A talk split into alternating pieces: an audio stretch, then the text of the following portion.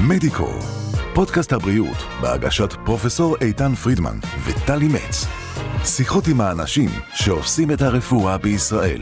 שלום, שלום, אנחנו ב- בפודקאסט שלנו, פודקאסט הבריאות של ישראל, אה, שמביא לכם את כל החידושים, את כל הדברים הטובים, את כל הרופאים שמדברים תכלס על מה שמעניין אותנו באמת לדעת, שזה חשוב, זה כמו מדריך למשתמש, לגמרי. נכון? לגמרי. פרופסור פרידמן, הרבה- איתי, אנחנו בסדר. אנחנו- הכל בנינוחות, הכל בגובה העיניים, הכל בשיח אישי, ואנחנו כאן עם פרופסור ללצ'וק. נכון, שלמה ללצ'וק, כירורג, אה, ואנחנו נדבר אה, היום על הרדמה מקומית לניתוחי בקעים בדופן הבטן, תכף נ- ניכנס לרזולוציות ונבין קצת יותר במה מדובר. לאנשים בקבוצת הגיל שלי לא כן. יודעים מה זה בקע, הם יודעים מה זה קילה. קילה, גם אני מכירה קילה, ולא רק זה, גם תמ- תמיד הפחידו אותי לא להרים דברים כבדים, שלא יהיה לי קילה. אוי ואבוי, בוא נשמע אם זה נכון. זה- זה גם גריז'ה. גריז'ה. גריז'ה, נכון, ל- יש ל- כל כך לדוברי הרבה השפה צופים הרוסית. לדוברי רוסית. זה נכון, כן, גריז'ה. אני נכון, עכשיו רוצה נכון. לדעת איך אומרים את זה באמהרית ובערבית, ואז חיי היו שלמים. כן, לא חשוב. טוב, אז שלום וברוך ברוך הבא אלינו, קודם כל, זה בוקר טוב. הכי חשוב. אנחנו מדברים על אמ, בקע. על על ניתוחי, ניתוחים בדופן הבטן. באילו מקרים נזקקים לניתוחים כאלו?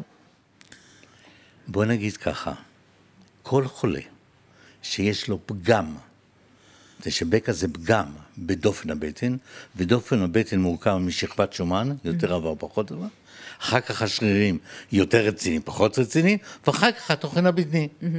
ברגע שיש איזשהו פתח בגלל הבדלי הלחץ בין הלחץ בתוך הבטן והלחץ האטמוספרי, זה תמיד גדל.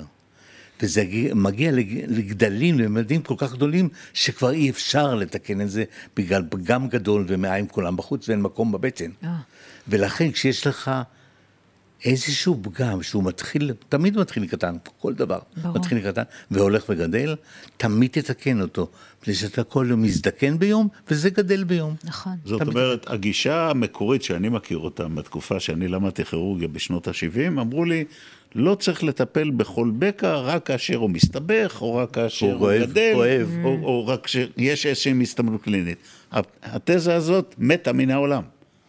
כשיש לך יש בקע, טפל בו. טפל בו. אוקיי. יש לך חור בשן, טפל בו. נכון. תחכה לכאב, זה טיפול שורש. רגע, אבל אנחנו אה, רותמים את העגלה לפני הסוסים. מה מה- מה זה? בכלל- מה בכלל הסיבות לבקע? למה יש אותו? קודם כל, יש מספר סוגים של בקעים. הבקע השכיח זה המפסעתי. למה זה מופיע? לא יודעים. לא יודעים. זה לא בגלל שהרמנו פתאום איזה משקל כבד. נגיד לאמא מה שלי. שאמרו לך, לא נכון. כן. בדקו אצל סבלים, אין להם יותר להם באוכלוסייה, יותר. אין להם יותר. Mm. המחשבה היא על ידי אנשים היא שכשבן אדם, ופה אני מדבר בשקט, הלך על ארבע ועבר ללכת על שניים, המקום הזה נשאר יותר חלש, ולכן Mm. המפסעות הם מקום יותר חדש ושם יש את השכיחות הגבוהה יותר של בקעים. אבל יש בקעים טבוריים. נכון. הטבור הוא עקרונית תמיד יותר חלש, ושם עובר חבל הטבור לאוכל. אז תמיד המקום יותר חלש, ושם חלק מהם. אצל ילדים, אצל בנות, שיש בקע טבורי עד גיל ארבע לא נוגעים, זה ששם זה לפעמים נסבר, נסגר. מעל- מעבר לגיל ארבע, הניתוחים כמו כולם. אוקיי. עוד, ש... עוד אבל אה, בקע שישנו שהוא שכיח, זה בקע בצלקת. אנחנו עוברים המון צלקות, ולפעמים הצלקות לא מתרפאות מלא, ושם נוצר פתח. אוקיי. וואו, אז אנחנו יודעים, וכמובן, אני חייב להגיד את זה, יש גם רקע גנטי. אנשים שיש להם בעיות במערכת שמדפנת את הבטן, בעיות גנטיות כאלה ואחרות, גם הם בסיכון יותר גבוה ל- לפתח את זה, אבל לא נדבר על זה כרגע. זה דבר שכיח בכלל? קודם כל זה שכיח מאוד, מאוד. במיוחד אצל גברים. ה- הבקע המפסעתי? הכל יותר אצל אה. גברים, חוץ מטבורי, ואצל נשים יש בקע מיוחד, מפסעתי, אבל שהולך לירך, שנקרא פמורלי. זה יותר אצל נשים אצל גברים. אוקיי. מצאנו בקע, מה היו האופציות שהיו קיימות עד עכשיו, ומה החידושים בשנים האחרונות. הרפואה בכלל כולה עוברת למינימליזציה. עושים היום המון ניתוחים בלפרוסקופי. נכון. עושים כמה חורים, והם פשוט מונעים את כל ההפרשות, את כל ההידבקויות, כל מיני דברים. וגם פה התחילו לעשות בלפרוסקופיה. עד לפני 20 שנה עשינו את הניתוחים פתוחים, מה שנקרא. פתחת, סגרת, דיפנת. ואז הלכת. אמרו, "ח- כירורג גדול, חתך גדול. בזמן היינו אומרים שדיים. פרופסור דברים דינצמן. גדולים, היום כלום. כן, נכון, זה כלום. פרופסור דינצמן היה מרבה לצטט את המשפט הזה. כן. small, small incision, small surgeon. אז הדורות התחלפו. והיום, ויש לנו נשים היום, כן. שהן מאוד מאוד מודעות ליופיין, אז אחת השאלות שתמיד נשאלות, דוקטור, זה אבל חתך קטן? ואז הן אוהבות על הפרוסקופיה, למה זה שלושה חורים, ושלושה חורים עושים חתכים כמו נקודות חן. כן. אוקיי. אז עושים, פות- למ- ולמעשה, מה אתם עושים בניתוח? זאת אומרת, איך מעבר זה לפתיחה, מתבצע? או לא, איך זה מתבצע? עקרונית, הרוב עדיין עושים חתך קטן, והוא חתך יותר גדול ככל שאתה שמן יותר, אתה צולל יותר לעומק. ברור. אתה פותח בעצם את שכבת השומן, בכך פותח את תעלת המפסעה, אתה מתקן את הבקע. בלפרוסקופי לא מתקנים בקע. פורסים רשת, לא מתקנים בקע. בשיטה הפתוחה, מה שנקראת, אתה סוגר את הבקע, מכין, מכין רשת גם כן. כולם שמים רשתות, חוץ מאחד שדובר רשת. כולם משתמשים ברשתות, אתה שם בתוך התעלה את הרשת, סוגר, ואת האור אפילו לא שם דברים.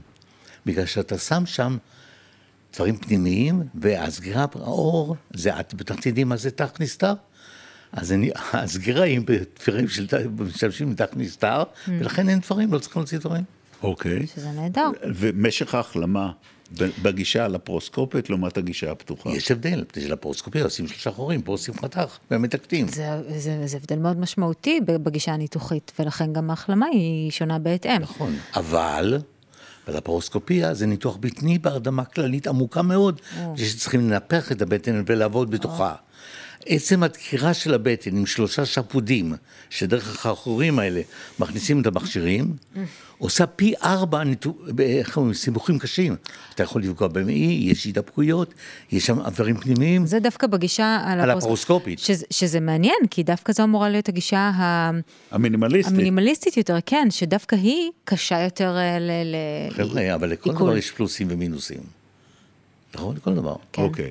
זאת אומרת, את- כשמישהו בא אליך, אתה אומר, אני ממליץ לך לעשות את הגישה הפתוחה ולא את הגישה הלפרוסקופית, הוא מפרט לו מדוע, כמו שפירטת לנו. לא, יותר. מפני שהרגישה הפרוסקופית היא תמיד בהרתמה כללית עמוקה. טובוס, ברור, ברור. כל הדברים. ברור, ברור, ברור. עולם אחר. אני עושה הרדמה כל- מקומית. זהו, אז בוא נדבר באמת על העניין הזה. זה, זה, זה משהו שהוא נפוץ לעשות ניתוח כזה בהרדמה מקומית? קודם כל נפוץ לא, אבל קיים כבר הרבה שנים. כן. בטורונטו יש בית חולים שנקרא שולדייס. הייתי שם. היה שם בן דיוויד, שהיה אחרי בערך 20 אלף ניתוחים שהוא עשה.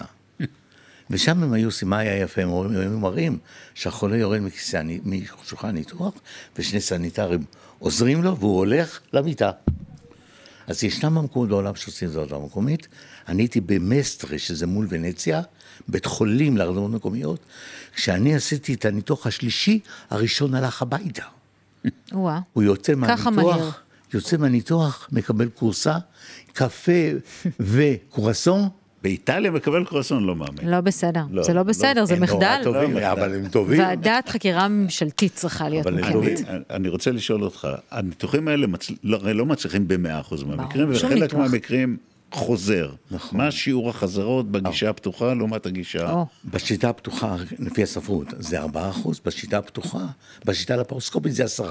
הבנתי. אבל תזכרו, שם לא מתקנים את הבקע, רק פורסים רשת שחוצצת בין המעיים נכון. ולכן יש ובין סיכוי, הדופן. סיכוי, סיכוי גדול יותר שזה באמת, אה, שזה באמת יחזור. יחזור. איך בכלל מתכוננים לניתוח כזה? יש משהו מיוחד שצריך לעשות, לרדת או שזה תלוי במשקל. באזור? כן? לרדת זה- במשקל. זה הדבר הכי, אצל שמנים כן? הכל יותר גרוע.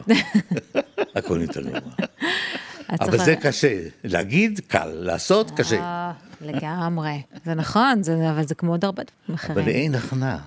כן. אין הכנה מיוחדת. אין, אין, לפי- תלוי בחולה, אם החולה יש לו כל מיני מחלות נלוות, כן, צריך... אז אני הכתובת הכי טובה, מפני שהגוף לא משתתף, כן. רק עשרה רק סנטימטר. עשרה כן, סנטימטר. נכון, נכון, זה- נכון. אגב, אמ, כש- כש- כשרוצים לאבחן, אמרת צריך לטפל בזה כשזה עוד קטן, אה, זה ב- בהכרח משהו שרואים? אצל שמנים לא רואים כלום.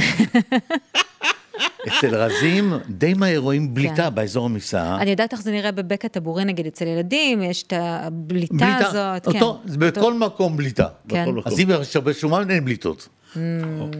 אוקיי, וה- וההבחנה, מעבר להבחנה הקלינית, הם משתמשים באולטרסאונד כדי להגדיר את האזור הפתוח? לא. לא?